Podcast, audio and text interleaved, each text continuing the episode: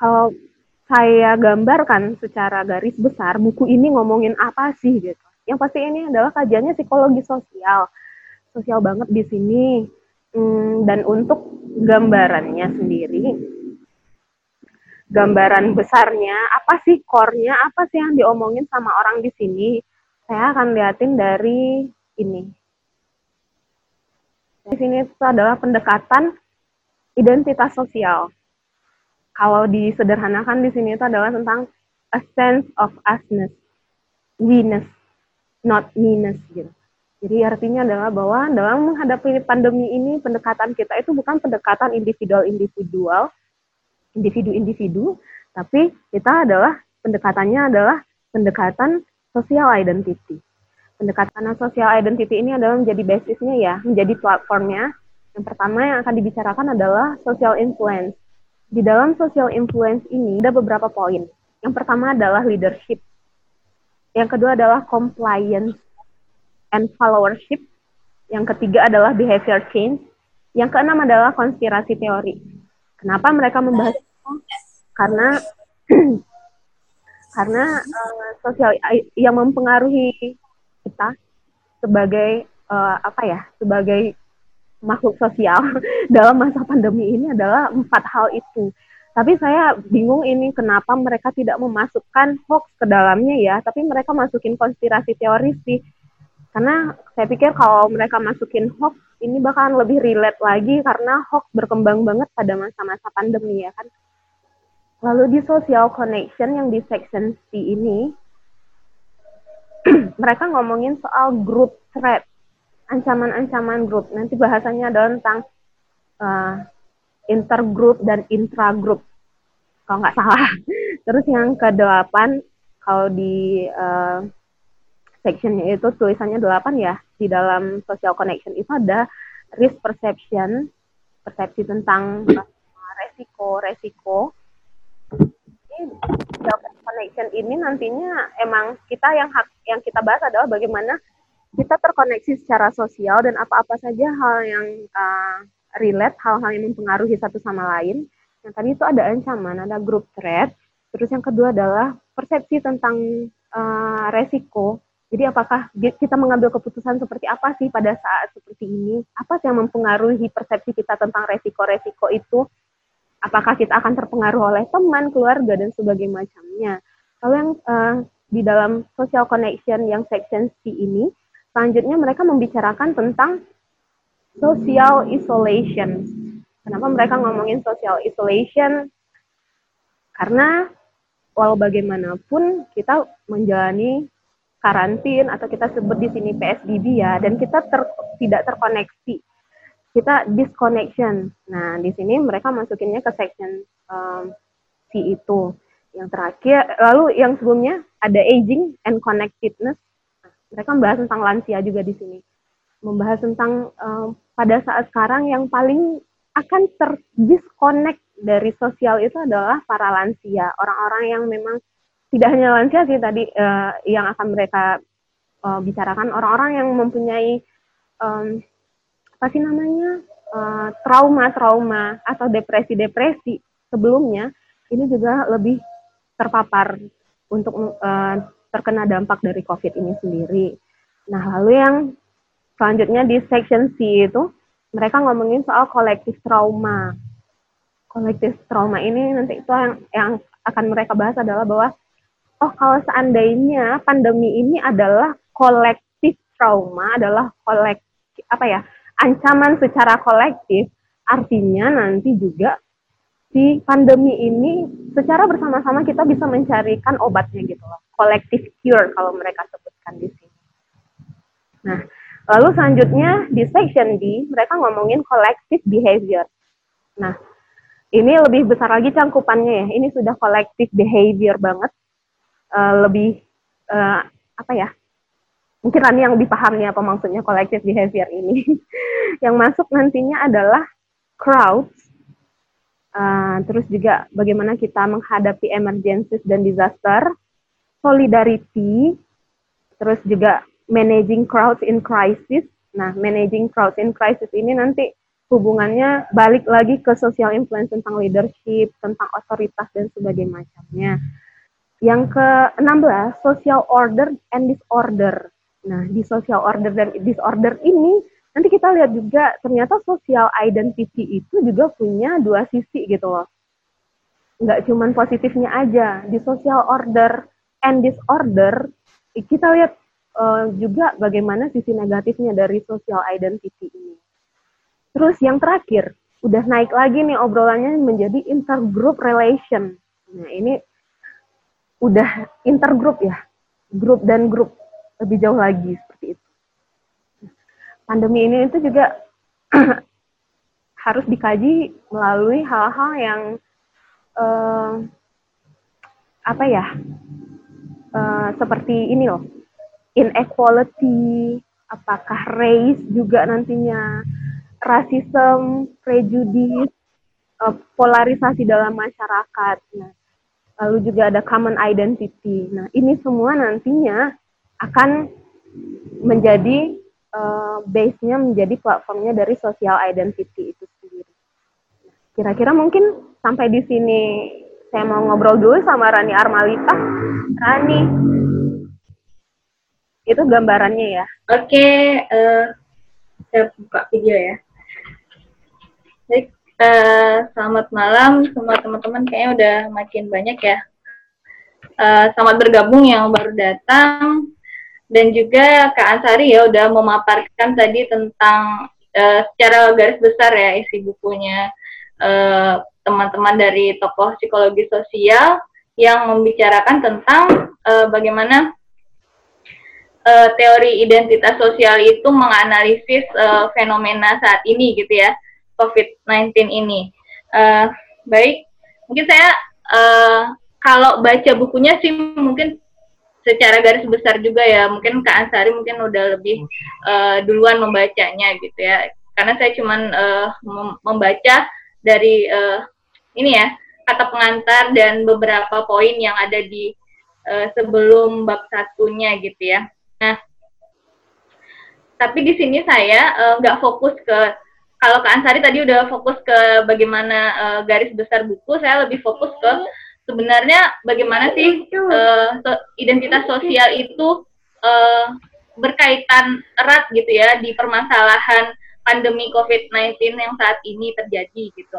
Nah, sebenarnya um, saya akan mulai dari ini ya perspektif psikologi sosial ya. Mungkin saya bisa screen uh, sebelum kita memulai yang lebih serius ya gitu. Saya pengen menanya sih dari beberapa pertanyaan ini mungkin ya. Uh, ada beberapa tadi yang sudah Kak Ansari tanyakan ya. Oh ya, saya tadi sempat bertanya di Instagram saya. Instagram. Nah, uh, mungkin ini bisa teman-teman jawab sendiri gitu ya.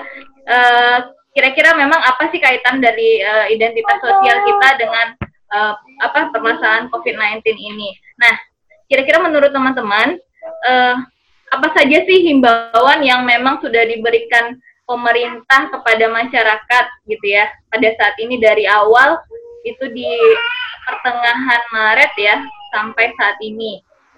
Nah kemudian apa saja himbauan yang memang sudah teman-teman dari sekian banyak himbauan itu apa saja dua atau tiga ini ya tiga aktivitas yang memang teman-teman lakukan gitu ya. Nah, kemudian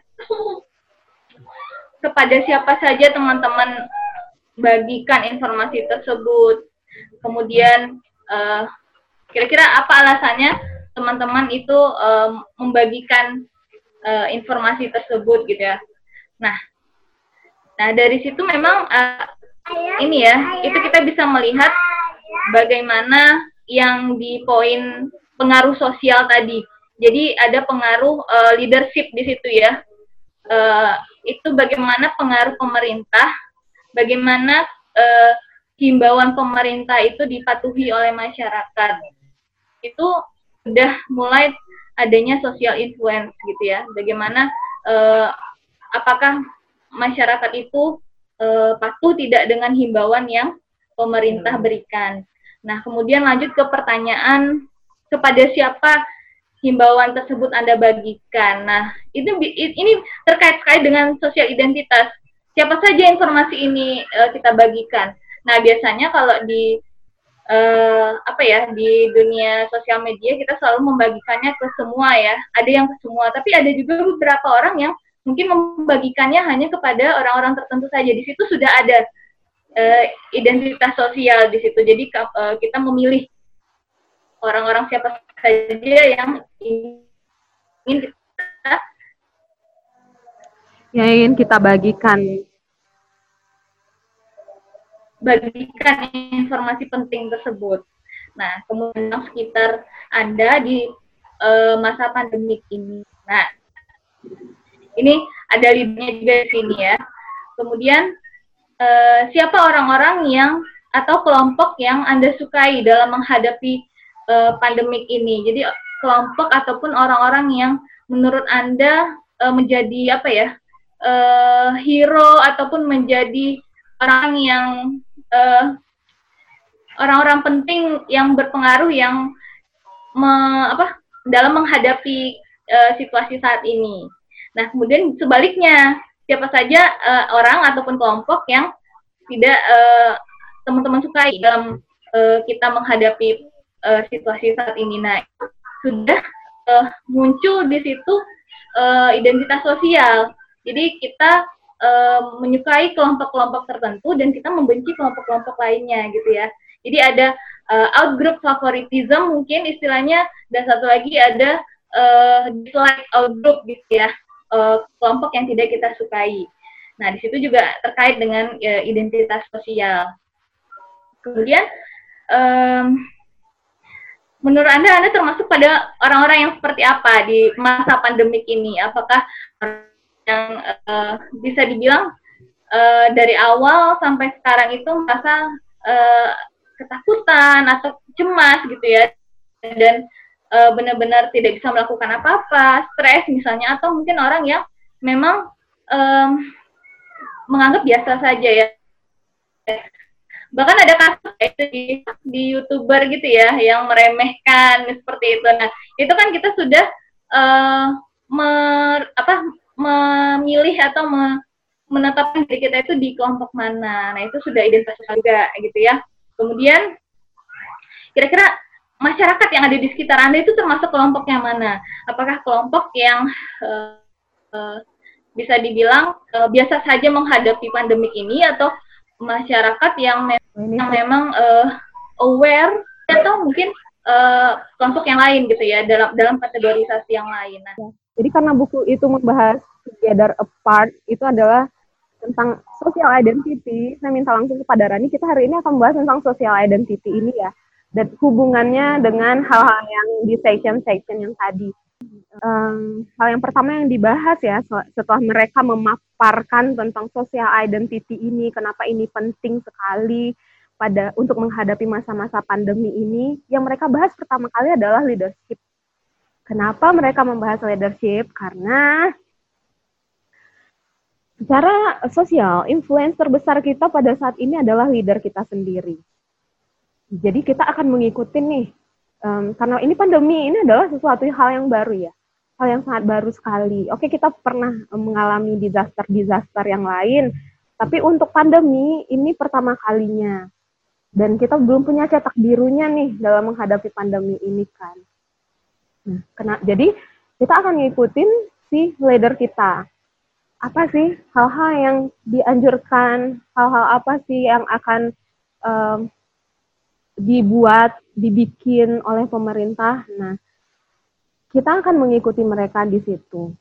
Kalau dari uh, isi buku ini sendiri, mereka tetap me menghubungkannya dengan social identity ini gitu. Mereka tetap menghubungkannya. Ada nama-nama yang muncul dari buku ini beberapa nama-nama seperti Queen Elizabeth misalnya. Dia mereka menggambarkan di sini bagaimana Queen Elizabeth um, di awal-awal pandemi mengajak masyarakat untuk tetap tenang, tidak panik, lalu menjalankan uh, physical dan social distancing seperti itu. Lalu uh, ada juga mereka membahas uh, salah satunya lagi adalah tentang si Ibu Jacinda ya, yang dari New Zealand, PM New Zealand.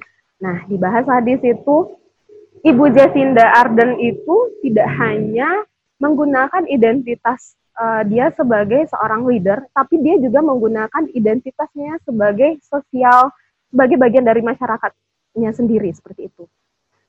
Di buku ini mencontohkannya adalah ketika pada awal pandemi, Ibu Jacinda itu dari rumahnya sendiri sebelum anaknya tidur, setelah menidurkan anaknya, sorry, setelah menidurkan anaknya, dia bikin sebuah video dengan baju rumah biasa dan sebagai macamnya. Dia berbicara dengan orang-orang melalui videonya bahwa kita mengalami masa-masa yang sulit pada saat ini. Untuk itu, marilah kita melakukan physical distancing, marilah kita mencuci tangan yang rajin, lalu jangan lupa uh, hubungi sanak keluarga dan sebagainya macamnya. Itu adalah identitas sosial dia sebagai masyarakat sendiri gitu. Lalu dia juga menjalankan identitas dia sebagai leader. Di video yang lain, dia juga di depan podium, dia uh, berbicara bahwa uh, hal yang sama yang dibicarakannya sebenarnya hal yang sama yang dia bicarakan. Kita akan melewati ini bersama-sama. Kami ingin kita uh, bergotong royong seperti berpegangan tangan. Tetapi perbedaan yang nyata adalah bahwa di sana mereka uh, dia juga menekankan bahwa tidak ada toleransi bagi orang-orang yang melanggar aturan. Seperti itu. Itu pembedanya. Dia sebagai masyarakat dan dia sebagai leader. Dua-duanya uh, dia jalankan dan itu adalah salah satu contoh yang efektif karena menurut buku ini ya uh, menurut buku ini itu adalah contoh yang efektif karena terbukti New Zealand uh, sangat minim sekali kasus COVID dan bahkan sekarang sudah melakukan uh, pelonggaran pelonggaran restriction seperti itu mungkin saya bisa kembali lagi ke Rani ya kan oh iya sebelumnya ini ada yang menarik ya, gimana ada yang menarik sekali dari dari buku ini, Rat. Ada penelitiannya di sini. Yeah. Ada sebuah penelitian di sini. Uh, tentang politisi-politisi ya. Ada penelitian di sini. Kenapa orang-orang seharusnya politisi-politisi atau pejabat-pejabat ini menggunakan uh, perspektifnya perspektif social identity, menggunakan collective pronouns dari cara dia berkomunikasi. Ada penelitiannya di sini. Ada ini apa namanya? berapa kali sih orang-orang yang menang dalam pemilu atau pemilihan caleg-caleg di sana itu menggunakan kata-kata we, our, and us seperti itu, pronouns kolektif. Jadi semakin sering orang-orang politisi-politisi ini menggunakan kata-kata kolektif pronouns tadi, kecenderungan mereka untuk dipilih itu lebih tinggi daripada orang-orang yang memakai kata-kata saya akan, saya akan, saya akan seperti itu. Nah, di buku itu ada disebutkan penelitian seperti itu. Jadi untuk leadership menurut buku ini kembali menurut ya, men, kembali menurut buku ini untuk menghadapi pandemi ini sekarang yang paling efektif adalah bahwa leader itu menggunakan social identity-nya sendiri sekaligus menggunakan identitasnya sebagai leader. Mungkin Rani bisa tambahkan ya? Atau nanti kita ada sesi okay. dengan teman-teman sendiri seperti itu ya mungkin bisa apa ya uh, saling menambahkan nanti ada sesi, eh, sesi uh, diskusi tanya jawabnya gitu ya. Oke, okay. uh, leader itu di sini fungsinya kan memang sebagai uh, apa ya uh, apa kelompok yang dominan gitu loh. Nah, uh, sebenarnya ident, uh, identitas sosial itu juga terkait dengan teori-teori lain uh, uh, Kak Ansari. Jadi ada teori uh, dominasi sosial, ada teori um, hipotesis kontak gitu ya. Jadi uh, dari penjelasan Kak Ansari tadi bisa di uh, bisa di ini ya bisa dilihat bahwa ketika ada leader, kemudian ketika ada masyarakat, berarti di situ uh, identitas sebagai seorang leader, identitas sebagai ada dua kelompok gitu ya bisa kita lihat ada dua kelompok. Jadi ada identitas sebagai leader, ada identitas sebagai ada. masyarakat gitu ya. Pada dasarnya setiap orang, setiap manusia atau setiap kelompok itu ingin dipimpin gitu, ingin diatur gitu. Jadi uh, makanya uh, ketika itu satu ya perspektif pertama ya. Jadi ingin diatur itu yang pertama. Yang kedua kenapa mengatakan kita? Nah, itu balik lagi ke uh, identitas sosial. Jadi ketika menggunakan kata kita, itu artinya di dalam kelompok gitu ya. Artinya kita satu kelompok gitu ya. Jadi uh, ketika menggunakan kata kita uh, pada apa?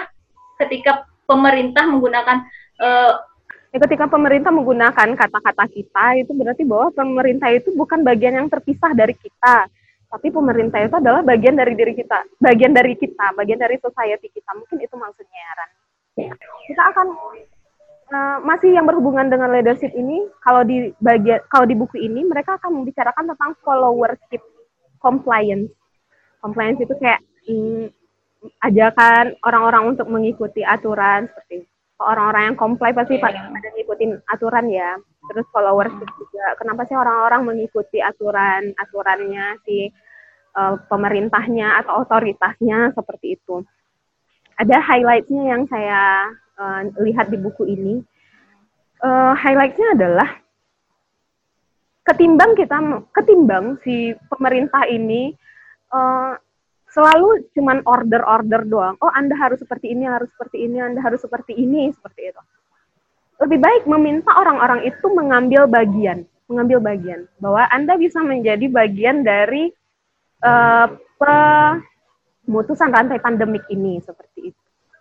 Uh, makanya tuh kalau balik ke si Ibu Jasinda tadi ya, di dalam pidatonya pun seperti itu. Jadilah bagian untuk uh, menjadi bagian strategi pemutusan rantai seperti itu. Buku ini memberikan perspektif bahwa kita ini, manusia-manusia ini bukan saja bagian dari masalah gitu. We are not just a part of the problem, but we are also the key of solution. Jadi melibatkan masyarakat yang social identity-nya adalah yang social identity-nya adalah bagian dari masyarakat ini sendiri uh, ada kan masyarakat itu untuk terlibat langsung seperti itu menjadi bagian uh, dari uh, strategi pemutusan rantai pandemi ini. Kalau dari compliance and followership-nya sih seperti itu ya di section yang B ini Ran. Mungkin ada tambahan Ran? Ya, uh, tadi apa di awal itu gimana yang dibahas oleh compliance and uh, followership ini di tadi uh, tentang masyarakat yang ya mengambil hmm. bagian. Masyarakat mengambil bagian. Jadi otoritas itu tidak ujuk-ujuk nyuruh kita nyuruh ini nyuruh itu nyuruh itu hmm. uh, pemerintah atau otoritas itu lebih meminta kita untuk menjadi bagian dari strategi untuk memutus rantai COVID-19 ini. Ini highlight dari uh, iya karena uh, pada dasarnya ketika uh, ya itu tadi kita sekarang coba bagi ya ada kelompok pemerintah ada kelompok masyarakat. Coba kita bayangkan seperti itu dulu ya.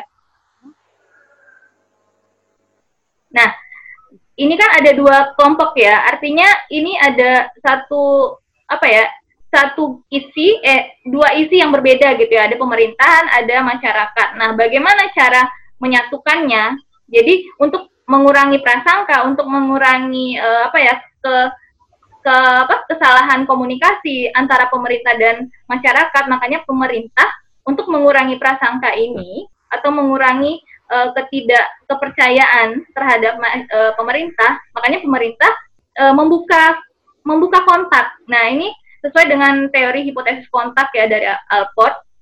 Jadi untuk mengurangi prasangka, untuk mengurangi diskriminasi, itu biasanya satu kelompok mendekati kelompok lain untuk diajak bergabung gitu, seperti itu. Jadi makanya uh, salah satu strategi. Jadi kalau dulu kan memang kepatuhan, obedience itu uh, memang uh, membuat masyarakat takut ya, karena memang ada punishment atau ada kekerasan di situ gitu ya. Nah sekarang ada cara terbaru yaitu untuk uh, yaitu compliance tadi ya uh, apa.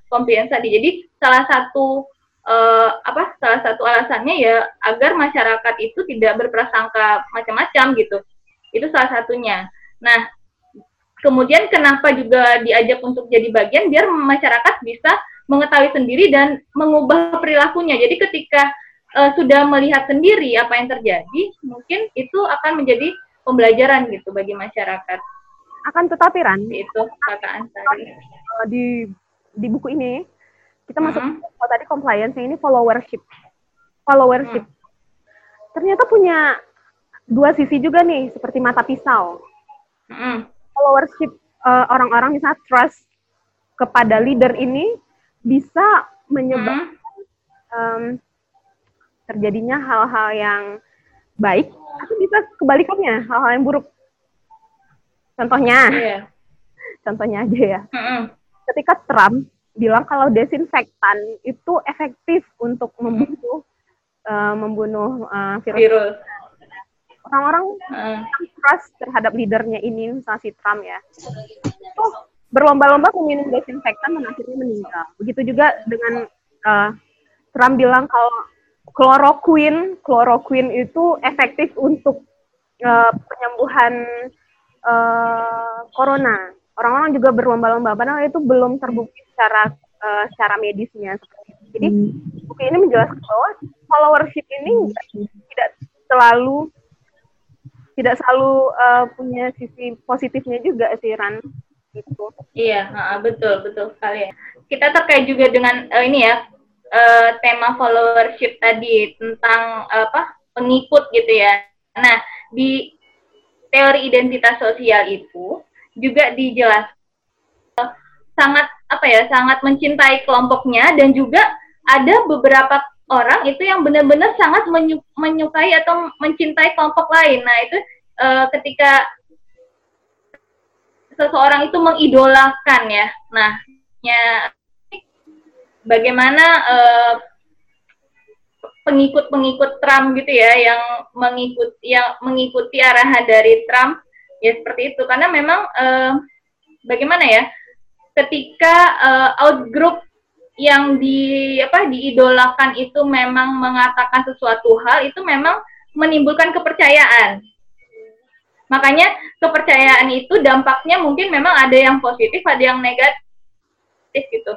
Nah jembatannya adalah sebenarnya uh, penyaringnya adalah uh, kognitifnya seseorang sih sebenarnya bagaimana dia merasionalkan gitu ya merasionalkan arahan atau merasionalkan himbauan yang diberikan uh, oleh pemerintah. Di, nah memang perlu diskusi sih sebenarnya. Oh iya. Uh -uh. Karena ini kompleks ya kompleks dan nanti di inter di uh, bagian yang terakhir di intergroup relation itu nanti juga akan dibahas mereka juga membahas tentang apa ya strata sosial, pendidikan, ekonomi dan sebagainya macamnya nanti di hmm. itu terkait juga dengan social identity ini dan hmm. hubungannya dengan penanganan pandemi. Terus setelah itu kan setelah kita ngomongin soal followership, leadership, followership, kita akan hmm. masuk ke behavior change nih, perubahan-perubahan perilaku. Hmm. Kalau bagaimana yeah apa sih namanya uh, si pandemi ini mengubah perilaku kita ya, mengubah perilaku orang-orang cara yeah. cara di planet ini lah secara global seperti itu. Secara global, iya. Saya pikir um, kalau kita cetak biru untuk pandemi ini tuh yang paling jauh itu apa ya kira-kira? Spanish flu ya, itu pun tahunnya 1918 seperti. Hmm. Dan ada sih beberapa kajian-kajian tentang long term effect apa sih uh, long term efeknya dari si Spanish flu itu. Saya kemarin malam uh, ketemunya itu adalah uh, ekonomi yang pasti ya, ekonomi pasti gitu. Mm-hmm. Tapi yang menarik bagi saya di situ adalah social trust, right? Jadi ada decline of social trust. Jadi bagaimana kita saling mempercayai satu sama lain dan sebagaimana macamnya gitu. Tapi saya pikir mungkin um, trust uh, terhadap leader ya. Kalau menurut Rani gimana? Uh, mungkin yang mempengaruhi perilaku perubahan perilaku gitu ya? Yes. Oke. Okay.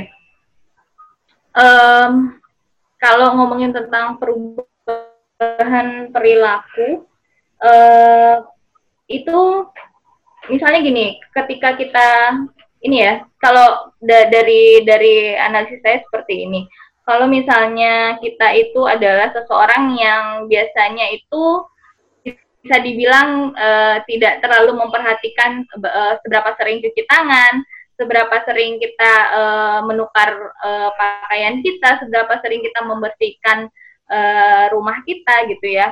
Nah, tiba-tiba di saat pandemi ini dan akhirnya kita apa uh, perubahannya itu adalah uh, ketakutan, kecemasan, kemudian berkali-kali cuci tangan misalnya seperti itu. Itu kan berubah dari yang yang slow-slow saja menjadi uh, orang yang uh, sangat memperhatikan ya, memperhatikan uh, perilaku kebersihan kita. Nah, apa yang terjadi di sini gitu? Sebenarnya mau melihat itu ya, Ansaria. Apa yang terjadi di situ? Betul. Mungkin bisa dijelaskan dari situ nanti mungkin nah, nanti ini akan memprediksi. Ini kajiannya akan lebih jauh lagi ya Ren. Kajian memprediksi tentang what is the long term effect of COVID-19 tapi kita akan mulai dari behavior change yang akan Rani paparkan dulu. Silakan Ran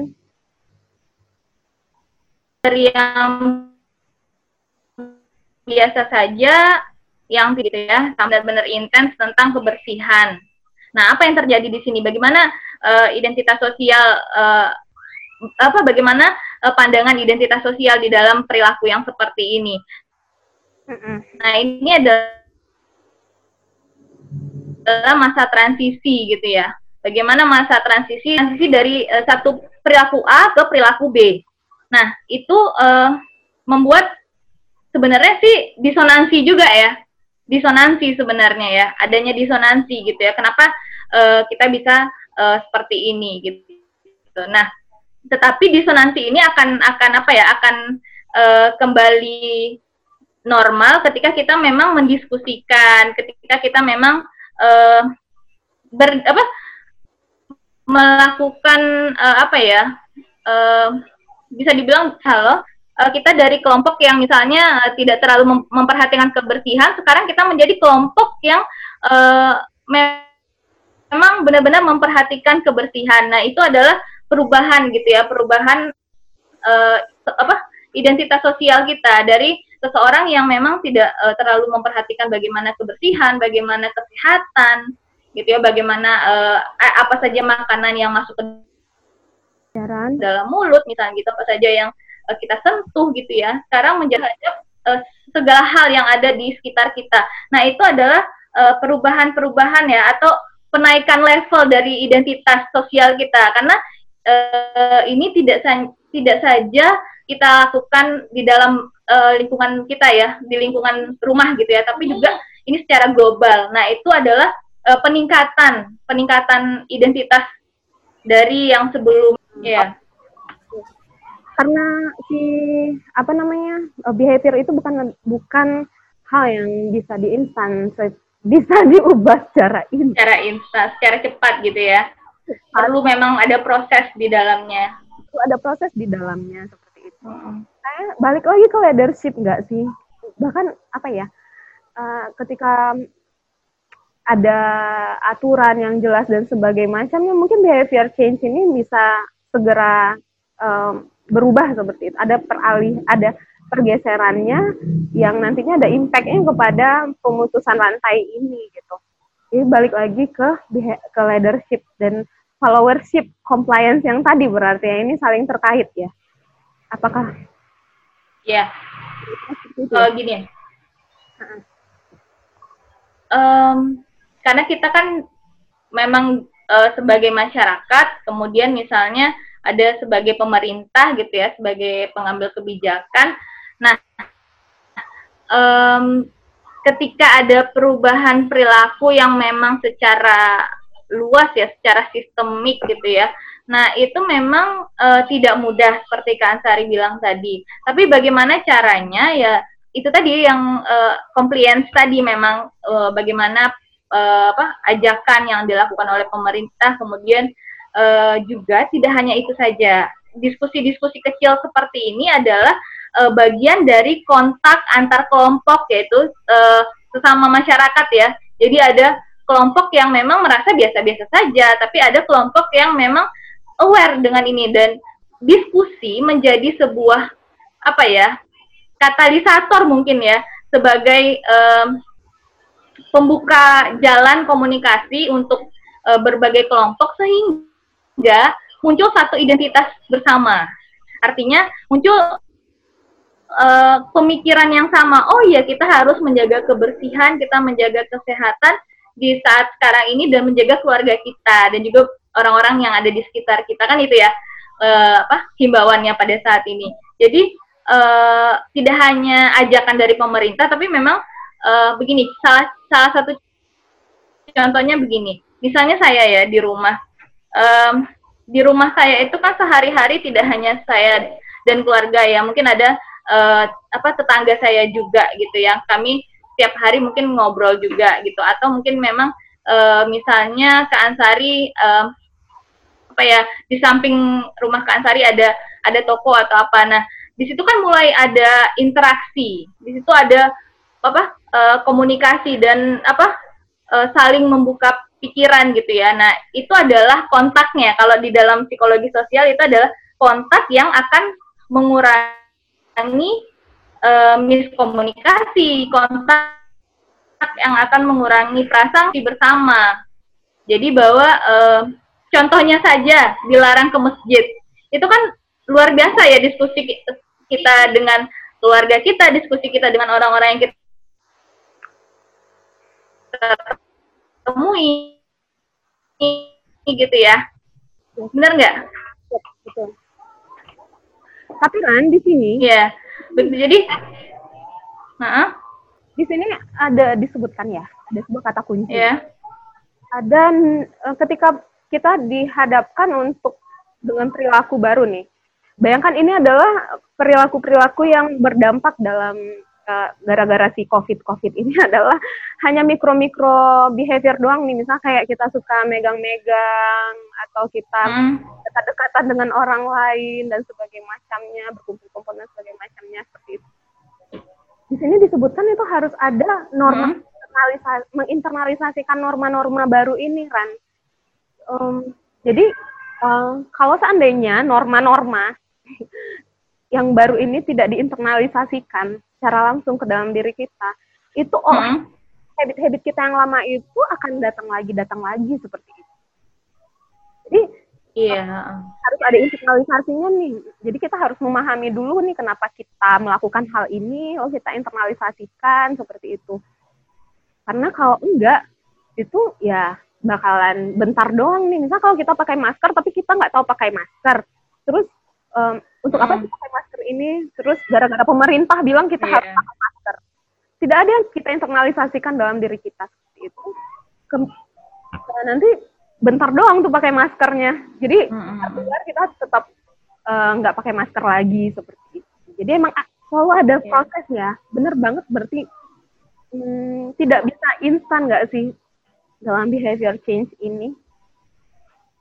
Oke, kemudian untuk perubahan ini satu lagi selain memang ada ada diskusi yang di apa yang dilakukan gitu ya. Satu lagi memang terkait dengan um, balik lagi ke identitas sosial kita ya sebagai masyarakat Indonesia. Nah, sedangkan uh, para tokoh ini dan kemudian masyarakatnya juga bukanlah masyarakat Indonesia karena memang identitas sosial mereka itu memang adalah seorang yang e, mengerti akan kesehatan mungkin ya versinya seperti itu. Tapi versi orang Indonesia e, konsep sehat konsep bersih orang Indonesia itu pasti akan berbeda. Nah balik memang kita ujung-ujungnya akan membicarakan tentang identitas sosial. Jadi bagaimana orang Indonesia itu sendiri identitas sosial kita sebagai orang Indonesia seperti apa bagi kita ya standarnya ya kalau sudah beruduk misalnya bagi muslim gitu ya sudah beruduk itu sudah bersih apalagi uh, kalau sudah cuci tangan pakai air itu sudah bersih gitu ya. Padahal standar WHO misalnya gitu tidak seperti itu. Nah balik lagi ke standarnya. Standar dari atau norma dari uh, sebuah identitas sosial Lansari jadi memang uh, untuk um, masyarakat Indonesia sendiri perlu PR PR yang besar kalau kita mengacu kepada standar. Tapi bukan tidak mungkin ya. Saya sih optimis gitu bukan tidak mungkin kita mengacu kepada WHO tapi memang itu prosesnya tidak se, tidak seinstan atau tidak secepat dengan masyarakat Jerman misalnya gitu. Kalau kita ketahui mereka sudah ada pelonggaran dan terbukti menurun. Sedangkan di Korea Selatan ada pelonggaran ternyata meningkat gitu ya. Nah itu kan memang um, ada yaitu tadi obedience atau kepatuhan ataupun bagaimana uh, apa kedisiplinan masyarakat. Baik lagi ke identitas sosial masyarakat itu sendiri berbeda-beda jadi berbeda-beda juga gitu dan identitas sosial ini nantinya nanti di bagian lain dari buku ini itu nanti akan dibahas juga tentang culture dan sebagai macamnya ya Ran. Jadi iya, itu yang mempengaruhi gitu. Kan kemarin saya ngobrol sama adik saya tuh kalau di New Zealand dengan kebiasaan orang di situ membaca koran setiap pagi, jadi mereka tuh lebih mudah mengolah informasi ya. Makanya yeah. di sana lebih cepat uh, uh, terjadi pemutusan rantai COVID-nya. Mungkin seperti itu ya. Dan iya. Ya, kenapa saya ajak Rani hari ini agar kita mungkin ada insight-nya untuk uh, implementasinya, setidaknya untuk uh kita sebagai social identity-nya, ya ini adalah grup kita, nanti ada lagi grup yang lain dan sebagainya, -uh. ya Ran. Nah, yeah. selanjutnya section selanjutnya nih Ran, yang dibahas adalah tentang konspirasi teori Ran. Konspirasi teori. Tapi nanti kita tambahkan hoax ya Ran ya. So teman-teman yang lain mungkin nanti kita bisa berinteraksi langsung nih Yeah. Konspirasi teori ini sekarang menjadi momok dengan bagaimana orang-orang uh, apa ya ter terpolarisasi pada saat ini bahwa ini adalah konspirasi teori saja, ini adalah konspirasi teori saja seperti itu. Kalau di buku ini Ran, highlightnya ya saya gambarkan ya.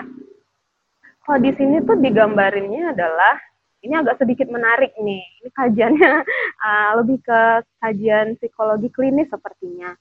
Kalau dalam buku ini nih dijabarkan bahwa orang konspirasi teoris ya, orang-orang yang membuat konspirasi teori dan sebagainya macamnya itu, secara penelitiannya adalah orang-orang yang vulnerable, orang-orang yang loneliness-nya tinggi, orang-orang yang menganggap bahwa bumi ini adalah tempat yang tidak aman untuk kita um, tempati seperti itu.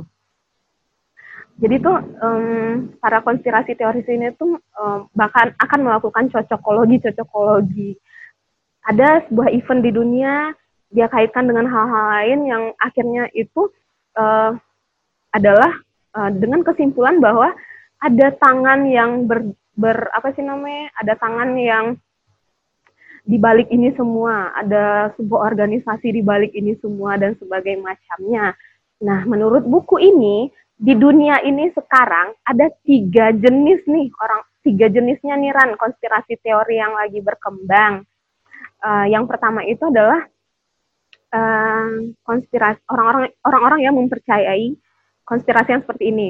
Yang saya bilang tadi kalau um, uh, apa sih namanya bahwa di dunia ini di dunia ini secara global di dunia ini ada sebuah tangan kayak New World Order dan sebagainya macamnya itu itu yang dipercaya yang pertama. Yang kedua hubungannya dengan pemerintah. Yang kedua itu hubungannya dengan pemerintah. Jadi seperti kayak uh, ini adalah langkah pemerintah untuk langkah pemerintah, langkah otoritas untuk uh, mereduce populationnya seperti itu untuk mengurangi populasi di daerahnya gitu apalagi datangnya itu dari dari Wuhan pula dari Cina pula ya jadi ini dipercaya oleh orang-orang yang ketiga jenis uh, konspirasinya itu jenis konspirasinya itu adalah orang-orang mempercayai bahwa pemerintah ini menutup-nutupi banyak hal. Pemerintah tidak mengeluarkan data-data. Jadi tidak di Indonesia saja itu. Terus ternyata menurut buku ini ada tiga hal yang diper, yang kalau dikelompokkan teori-teori konspirasi apa sih yang lagi dipercayai oleh orang-orang sekarang. Ada tiga hal itu Ran. Belum lagi nanti hoax ya. Mungkin Rani bisa terhubung dengan saya sekarang.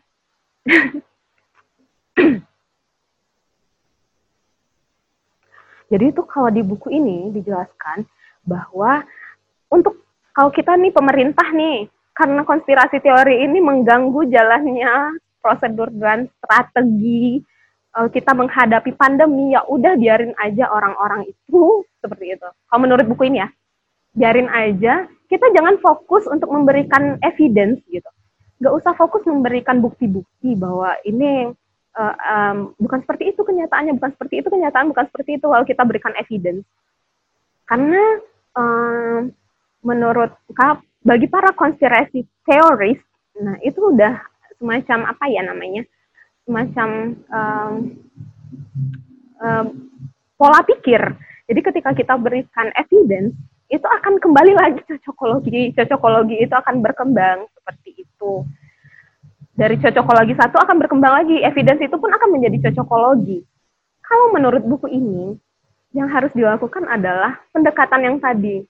Pendekatan bahwa orang-orang yang mempercayai konspirasi teori ini atau orang-orang yang uh, membuat konspirasi-konspirasi teori ini adalah orang-orang yang vulnerable, orang-orang yang yang teralienasi, yang ter tercampak dari lingkungannya yang lonely, yang lonely, yang harus dirangkul kembali seperti itu. Jadi pendekatannya menurut buku ini itu emosional sih. Mungkin ini adalah sebuah hal yang nanti bisa kita kaji lebih lanjut ya. Mungkin Rani bisa kembali bersama saya, Ran. Rani di mana ya? Eh, udah. Oke, Ran. Kita bahas okay, okay. tentang tadi saya ini ya. Kita ngomongin tadi konspirasi teoris ini karena uh, akan berlama-lama pada akhirnya penanganan pandemi ini kalau kita masih berkutat dengan konspirasi teori dan sebagainya macamnya. Oke, okay. tentang konspirasi teori di COVID-19 ya. Ya sebenarnya ada yang lebih lebih ahli dari saya sih tentang teori konspir, kon, konspirasi ini, tapi beliau tidak ingin ini ya, belum bisa bergabung. Oke, okay. Eh, saya sih analoginya begini ya, kakak Ansari. Jadi uh, karena ini adalah konspirasi untuk global, jadi mungkin susah ya kalau kita me, apa, mengasosiasikannya dengan uh, permasalahan lokal gitu ya. Tapi mungkin ini bisa diasosiasikan juga sih, walaupun kecil uh, asosiasinya gitu ya. Um, bisa kita bisa kita analogikan uh, semua apa be, apa tiap konspirasi itu adalah uh, berbagai isu atau berbagai uh, berita yang disebarkan ketika ada sebuah uh, negara atau sebuah daerah kalau di kan yang daerah berkonflik saya Poso ataupun Maluku gitu ya. Nah, konspirasi itu mungkin bisa uh, sama seperti itu. Jadi uh, setiap anggota masyarakatnya percaya dengan berita yang seperti itu uh, tanpa mencari kebenarannya gitu ya. Misalnya nih uh, kalau di Poso misalnya gitu ya uh, tentang konflik antar ini ya uh, Muslim dan Kristen gitu misalnya gitu ya. Nah itu berbagai isu, berbagai uh, berita yang disebut Nah, apa yang mereka lakukan? Mereka membentuk sebuah lembaga, mereka membentuk sebuah uh, kelompok ya yang menengahi isu tersebut. Jadi kalau misalnya ada isu, kemudian uh, mereka itu ter, ter, ter ini mereka tergabung dalam dua kelompok yang berkonflik itu. Jadi uh, tidak apa ya, tidak ada hal yang ditutup-tutupi. Nah begitu juga mungkin sebuah konspirasi ya, mungkin ada sebuah lembaga ataupun uh, kelompok yang uh, menengahi gitu. Nah, pemerintah termasuk yang berdampak di konspirasi gitu ya. Tapi memang selalu seperti itu dan pemerintah memang uh, memiliki beberapa pendekatan untuk me, me apa? memecahkan permasalahan ini. Salah satunya itu sebenarnya lawan dari konspirasi teori ini adalah agenda setting mungkin ya. Kalau kita membahas tentang sistem ya, Kak Ansari, tapi kalau kita membahas secara individual mungkin ya itulah dibalik ke bagaimana uh, seseorang itu menerjemahkan, bagaimana seseorang itu menganalisis konspirasi tersebut. Tapi kalau kita membahas tentang sistematis, sistema, sistemik gitu ya, sorry, sistemik ya, memang ada harus ada uh, peran dari pemerintah. Maaf ya. Ini tuh hanya sekedar untuk um, mengatakan bahwa uh, orang-orang yang punya yang uh, sebagai konspirasi teoris-teoris ini, konspirasi-konspirasi teoris ini pendekatannya itu adalah pendekatan emosional. Jadi kalau seandainya Rani percaya sama konspirasi teori, saya akan sering mengajak Rani bercerita bahwa Rani kamu kesepian ya Ran seperti itu. Ada masalah apa sih? Kenapa kamu menganggap bahwa dunia ini adalah tempat yang tidak bagus? untuk ditempati tempat yang tidak aman. Kalau buku itu membahasnya seperti ini, Ran. Saya pikir, uh, tapi tadi Rani bilang ya, kalau uh, apa ya, kalau secara sistemik kita butuh pemerintah di sana seperti itu. Mungkin Rani bisa, kalau Ran?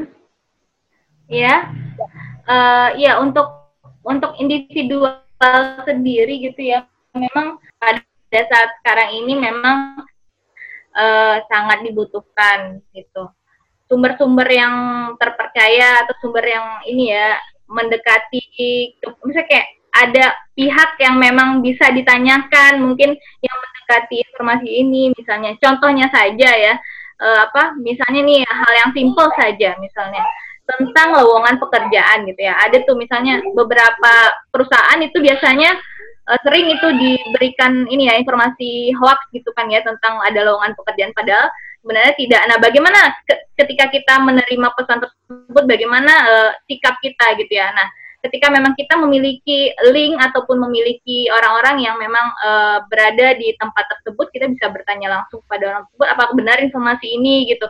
Nah, itu ya. Jadi uh, apa uh, fit apa namanya itu ya mengklarifikasi lagi kepada orang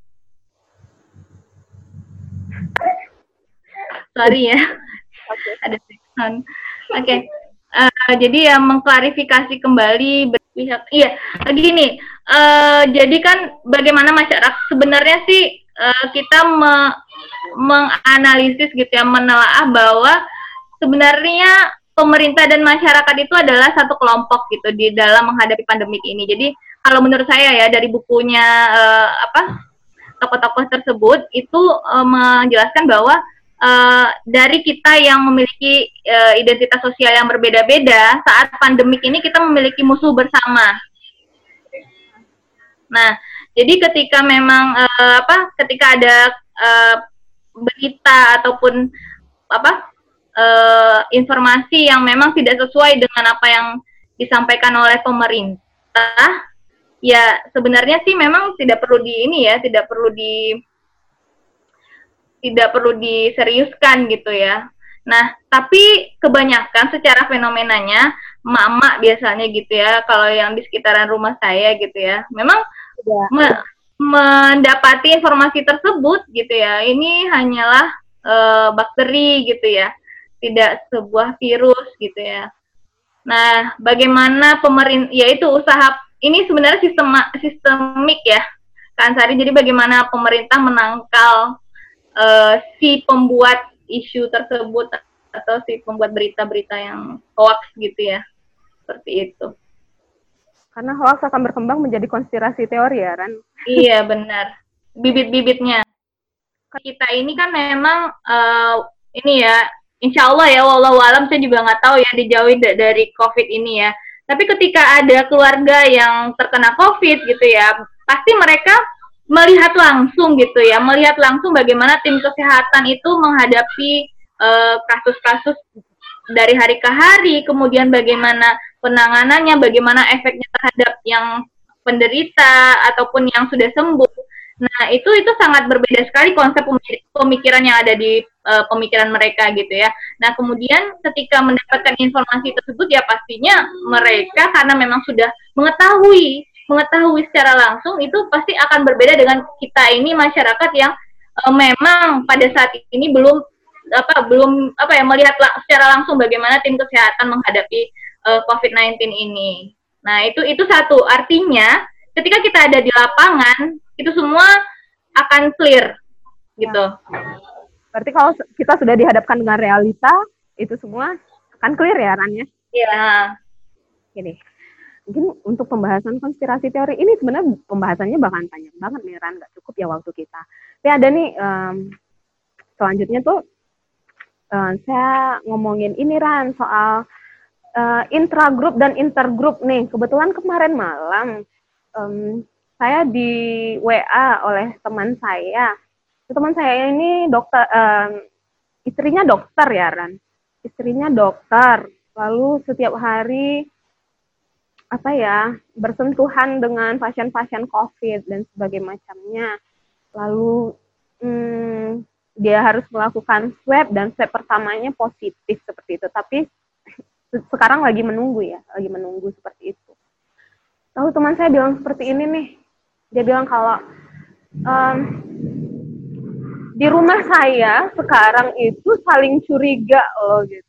Apakah benarkah salah, salah seorang dari uh, anggota keluarga ini membawa virus, lalu kami lebih awkward, padahal mereka adalah keluarga yang dekat ya, keluarga kecil pula gitu, lebih awkward, suami istri awkward, saling curiga dan sebagainya macamnya seperti itu. Nah, di buku ini dibahas itu tentang intragroup dan intergroup seperti itu. Ancaman-ancaman yang datang dari luar kepada kita ke secara kolektif ya. Kalau dari luar itu membuat kita lebih solid gimana kalau ancaman itu datangnya langsung dari dalam? Nah, ini hal-hal yang sering terjadi nih Ran. Mungkin Rani bisa menjelaskan sedikit ya, intragroup dan intergroup ancaman-ancaman yang berasal dari dalam dan dari luar ini Ran. Silakan Rani. Oke, kalau kita bicara tentang apa uh, grup ya, ada intra, ada inter di dalam grup itu intra, kalau di luar grup itu inter ya. Nah, kalau um, ketika ya itu tadi saya ini cerita ini tuh sama kayak cerita mahasiswa saya ya. Ada dia cerita bahwa uh, ada salah satu uh, apa saudaranya itu adalah tenaga kesehatan juga gitu. Dan setiap hari memang berada di rumah sakit gitu ya. Nah kemudian uh, sebenarnya ancaman ini memang uh, membuat identitas baru juga seperti yang sudah mungkin kita ini kemarin ya diskusikan kemarin bagaimana uh, ketika menghadapi pandemik ini kita juga terbagi dalam kelompok-kelompok yang baru. Ini seperti yang sudah saya jelaskan tadi, ada kelompok yang merasa itu COVID ini biasa-biasa saja, atau COVID ini adalah uh, sesuatu yang menakutkan. Jadi kita harus uh, benar-benar uh, mengantisipasinya secara ini ya, secara ketat gitu atau ada yang memang um, tidak tahu apa-apa gitu ya seperti itu. Nah ke kemudian uh, kalau kita lihat ke intra kelompok atau di dalam kelompok sendiri, uh, ya itu tadi seperti keluarga tadi ketika menghadapi masalah pandemi ini mungkin akan akan kita akan terpecah gitu, terpecah. Jadi kan ada yang uh, bekerja di luar, ada yang hanya di rumah gitu ya. Jadi sebagai orang yang hanya berada di rumah, memang mungkin akan meningkatkan ininya uh, kewaspadaan, meningkatkan prasangkanya karena dia tidak tidak ini ya, tidak apa uh, tidak mengetahui bagaimana uh, salah satu anggota keluarganya berada di luar sana seperti apa gitu bahaya yang mengancam uh, salah satu keluarganya apalagi tim kesehatan juga gitu misalnya ya. Nah hal ini memang balik lagi kepada bagaimana uh, kelompok tersebut di dalam kelompok itu uh, berkomunikasi. Ya. Jadi, uh, saya lebih kalau seandainya itu dari out group dan itu membuat kita, uh, misalnya di RT kita sendiri, misalnya, tadi, mm, di RT kita sendiri gitu, masih belum terjadi nih, masih belum terjadi gitu kan ya, masih belum yeah. ada kasus positif, oh kita solid kan ya, kita akan mengumpulkan duit bla bla bla bla bla bla. Tapi tiba-tiba ada satu orang yang positif dan akhirnya itu ancamannya datangnya dari grup kita dari RT kita sendiri gitu. Nah, saya pikir ini ada harus ada semacam apa ya? Semacam uh, apa sih namanya? strategi kita nih. Apa yang akan kita lakukan? Apa yang akan kita lakukan jika ancaman itu berasal dari grup kita sendiri gitu loh. Kalau menurut Rani tadi harus dengan komunikasi ya, Ran? Ya, An. Uh, balik lagi ke identitas sosial kita. Jadi karena kita memang keluarga atau misalnya karena kita satu RT. Nah, itu tadi. Jadi uh, kenapa memang buku ini mengutamakan identitas sosial? Memang apa pun permasalahannya di pandemik ini ujung-ujungnya akan melibatkan bagaimana kita uh, merupakan bagian dari yang lainnya juga satu uh, tetangga kita yang mengalami uh, ini ya COVID gitu misalnya semuanya menjauh gitu ya. Nah karena memang uh, ketakutan tertular tadi ketakutan ter tertular itu menyebabkan kita menganggap bahwa hmm, kita bukan lagi pada kelompok yang sama. Kita adalah kelompok yang sehat dan yang lain itu adalah kelompok yang memang perlu di uh, apa di di isolasi atau di apa sih namanya itu? Iya, di dijauhi, dijauhi gitu ya. Seperti itu. Nah, uh, pandemik ini tidak hanya menyebabkan uh, tidak hanya itu tadi yang seperti uh, dijelaskan di buku ini akan menimbulkan permasalahan, tapi intinya bagaimana kita mencari solusi kan itu ya. Kalau menurut buku itu tadi ya. Nah, permasalahannya itu tadi ya terkait dengan identitas sosial. Jadi bagaimana akan terpecah ada akan ada uh, identitas baru, identitas penderita gitu ya. Nah, jadi ke, kembali lagi ke bagaimana solusinya untuk menghadapi itu. Ketika kita melihat bagaimana solusinya, balik lagi kita akan berkumpul ke identitas yang sama. Artinya kita merupakan bagian dari orang tersebut juga gitu.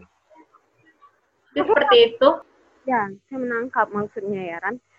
Jadi, hmm, ya itu tadi kita harus tetap komunikasi, tapi um, peng, apa ya, kognitif pengetahuan-pengetahuan ini sangat penting sekali ya Ran. Terutama yang pertama itu pengetahuan tentang virusnya sendiri gitu loh. Ya enggak sih behavior dari virusnya sendiri. Jadi iya, pada akhirnya kita tidak mungkin kayak kayak orang ketakutan tanpa sebab sedangkan virusnya nggak segitu-gitu amat. Kayak misalnya virus tuh nggak loncat tiba-tiba kayak gitu. Nah, iya. Dia melakukan mm, physical distancing kan pakai masker dan sebagainya kita di awal-awal uh, kasus ini uh, ada di Indonesia, itu kan sebenarnya kalau eh gini, balik lagi ke Wuhan dulu ya. Di saat uh, di Wuhan itu dulu Indonesia ya khususnya Menteri Kesehatan ya, saya ingat tuh ada ininya ya uh, liputannya bahwa menganggap itu biasa saja. Artinya kita bukanlah bagian dari itu gitu ya. Kita kita kelompok yang kita adalah kelompok yang sehat-sehat saja kok gitu ya. Wuhan itu adalah kelompok yang memang terkena virus, tapi kita biasa-biasa saja. Nah, itu kan tindakan pertama pemerintahan kita. Tapi apa apa selanjutnya ketika sudah ada pasien positif, artinya kita sudah melihat sendiri, artinya kita sudah merasakan sendiri ada masyarakat kita yang terkena uh, eh, COVID-19 ini. Akhirnya apa? Pemerintahan ini ya sempat ini ya sempat uh, kewalahan ya pertama ya uh, mau mau apa? Mau me, apa? Meminta apa gitu ya uh, da dari luar negeri misalnya uh, obat apa gitu. Jadi sampai bingung sampai salah beli alat tes gitu ya. Nah seperti itu. Eh jadi makanya memang ketika sudah pandemi artinya itu kan sudah global. Jadi memang sebenarnya itu uh, apa ya memang isu bersama lah gitu ya Nah, nanti itu kan uh, pembahasan tentang out group dan in uh, in group ini, intergroup dan intragroup ini itu akan uh, la, apa namanya hubungannya itu nanti akan kepada si section yang paling terakhir ya, kepada uh, intergroup relations nantinya hubungannya nanti akan lebih jauh lagi. Yeah, uh -uh. rasisme dan sebagainya macamnya. Mm -mm. Tapi sebelumnya nih di tengah nih, sebelum ke ujung saya di tengah dulu nih, karena ini banyak yang saya skip sebenarnya. Social identity ini ternyata juga, saya bilang nggak sih tadi di awal, bahwa social identity ini juga akan ada sisi negatifnya, Ran. Sisi negatifnya gitu. Contohnya nih, um, ketika kita adalah in group nih ya, kita kok solid, uh, kita solid nih. Nanti um, ini pembahasannya adalah social disorder. Contohnya adalah misalnya mass gathering run. Misalnya orang-orang yang pergi ke gereja misalnya seperti itu. Nah, lalu mereka berkumpul-kumpul bersama atau orang pergi tablik akbar seperti itu kan ya. Lalu, nah ini hubungannya dengan in group tadi Ran kalau di buku ini. Jadi kalau seandainya kita udah in group nih, kita udah ngerasa bagian dari, dari kelompok itu Ran, kita akan ngerasa aman di dalam kelompok itu. Jadi kita tuh akan ngerasa oh nggak bakalan kok gitu. Saya udah percaya nih sama orang-orang di kelompok ini. Mereka tidak akan uh, uh, apa namanya tidak akan kami tidak akan tertular gitu. Saya udah ngerasa aman. Jadi yang dibahas di dalam sosial di, di dalam social order dan disorder ini adalah tentang itu Ran. Um, ternyata juga ada sisi negatifnya dari social identity ini Ran. Mungkin Rani bisa jelaskan ya Ran. Dan um, apa ya, yang soal disorder dan sebagainya macamnya ini ternyata kompleks juga sih pembahasannya kalau dalam buku ini tuh udah sampai kepada um, kolektif history juga, culture dan sebagainya macamnya. Ya walau bagaimanapun namanya sebuah um, apa ya um, pandemi ini baru, sedangkan habit kita sudah berkembang dari tahun ke tahun bahkan sudah melekat bahkan itu sudah menjadi kolektif uh, habit sudah menjadi kolektif history and culture. Nah apakah bisa secepat itu kita untuk mengubahnya seperti itu? Ya. Ya.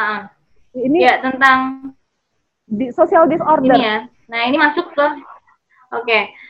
sebenarnya uh, ini ya uh, social disorder ini kalau misalnya ke apa balik ke teorinya sosial identi, identitas sosial ini dari Tatchell dan Turner itu ini namanya fenomena sebenarnya ini adalah uh, bias dari grup tersebut ya uh, the time is running out. Nah, teman-teman kalau seandainya ingin berbagi cerita, opini dan sebagainya macamnya, boleh ya di chat box atau boleh juga langsung dimatikan itu mute-nya, boleh bercerita dengan kami di sini.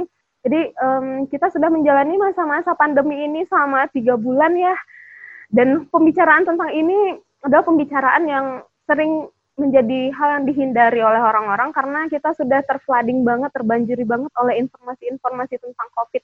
Tapi buku ini hadir karena pandemi belum selesai. Pandemi ini sendiri belum selesai kan ya, dan banyak strategi-strategi yang uh, diberikan oleh buku ini untuk mengatasinya secara psikologi secara psikologi sosial. Karena di awal mereka bilang mempelajari psikologi pada saat ini kajian-kajian psikologi sama pentingnya dengan kajian-kajian biologi gitu. Karena biologi mengkaji behavior dari virusnya dan psikologi mengkaji dari um, manusianya yang terdampak oleh virus ini sendiri. Buku ini memang um, apa ya dibikinnya itu uh, inisiasinya bulan Maret lalu hadir di bulan Mei hanya dua bulan. Memang untuk rujukan-rujukannya itu yang paling jauhnya itu adalah Spanish flu. Dan mereka juga banyak merecite dari novel, bukan recite juga sih, lebih banyak um, banyak di antara kontributornya yang mengambil uh, apa sih namanya um, sudut pandang dari bukunya Albert Camus tuh uh, mm -hmm. The Plague, La Peste kalau dalam bahasa Prancisnya mereka ngambilnya dari situ karena ceritanya itu emang tentang pandemi Hmm. Jadi emang benar benar sekali nih makanya saya dari tadi bilang buku ini raw banget masih long way to go kak kayak gitu. Hmm.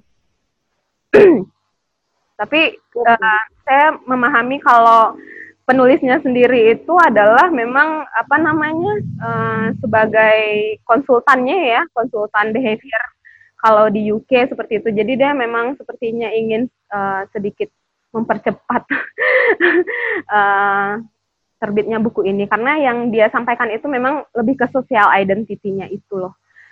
Hmm. Ini uh, bukunya uh, panjang sebenarnya, walaupun tipis sih bukunya ini masih tipis sekali, tapi panjang sekali kalau dibahas.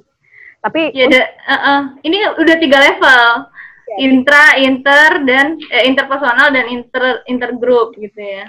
Ke intergroup nanti itu uh, kalau di intergroup nanti pembahasannya ada tentang race, di intergroup itu nantinya akan dibahas tentang siapa sih orang-orang yang paling terdampak, yang paling menderita nih. Jadi walaupun, yeah. walaupun si virusnya ini sangat um, tidak ada diskriminasi, semuanya terpapar. We are all at stake, gitu kan? We are all at stake, semuanya um, bisa terpapar. Tapi secara tatanan sosial, siapakah orang-orang yang paling akan terdampak? Nah, di situ dibahas di yang section terakhir tuh apakah secara ekonomi apakah orang yang miskin ini lebih menderita dibandingkan orang yang dengan ekonomi rendah uh, yang tinggi seperti itu. Lalu race race.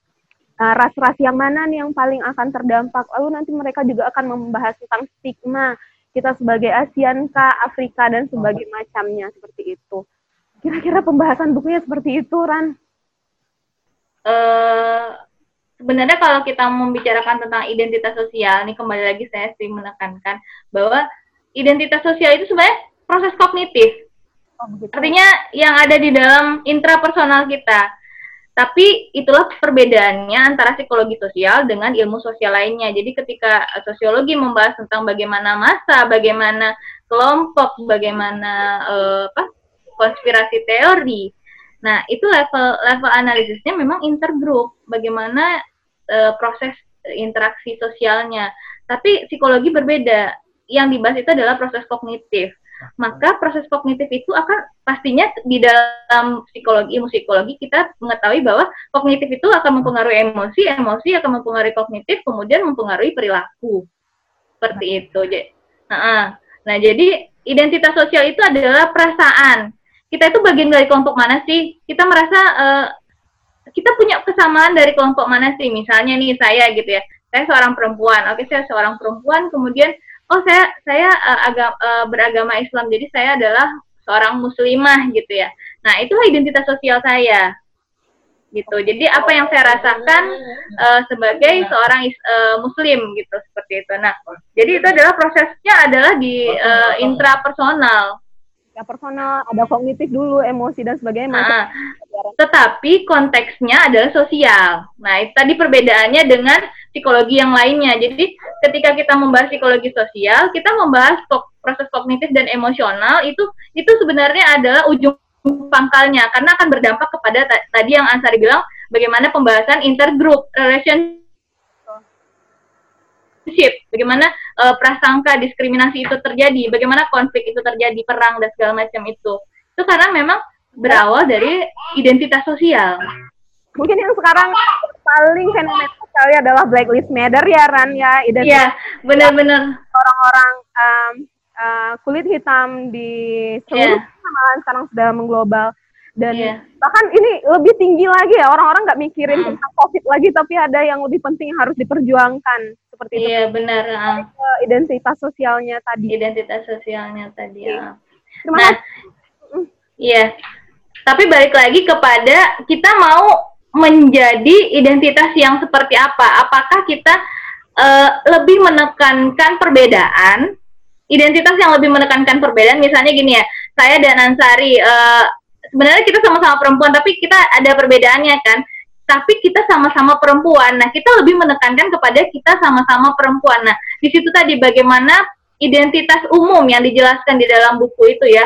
Nah, kalau di dalam uh, apa uh, hipotesis kontak itu adalah identitas uh, yang baru, rekategorisasi. Jadi kita mengkategorisasi pertama kita identitasnya apa, kemudian ketika ada semua permasalahan itu uh, akan diolah atau di apa ya?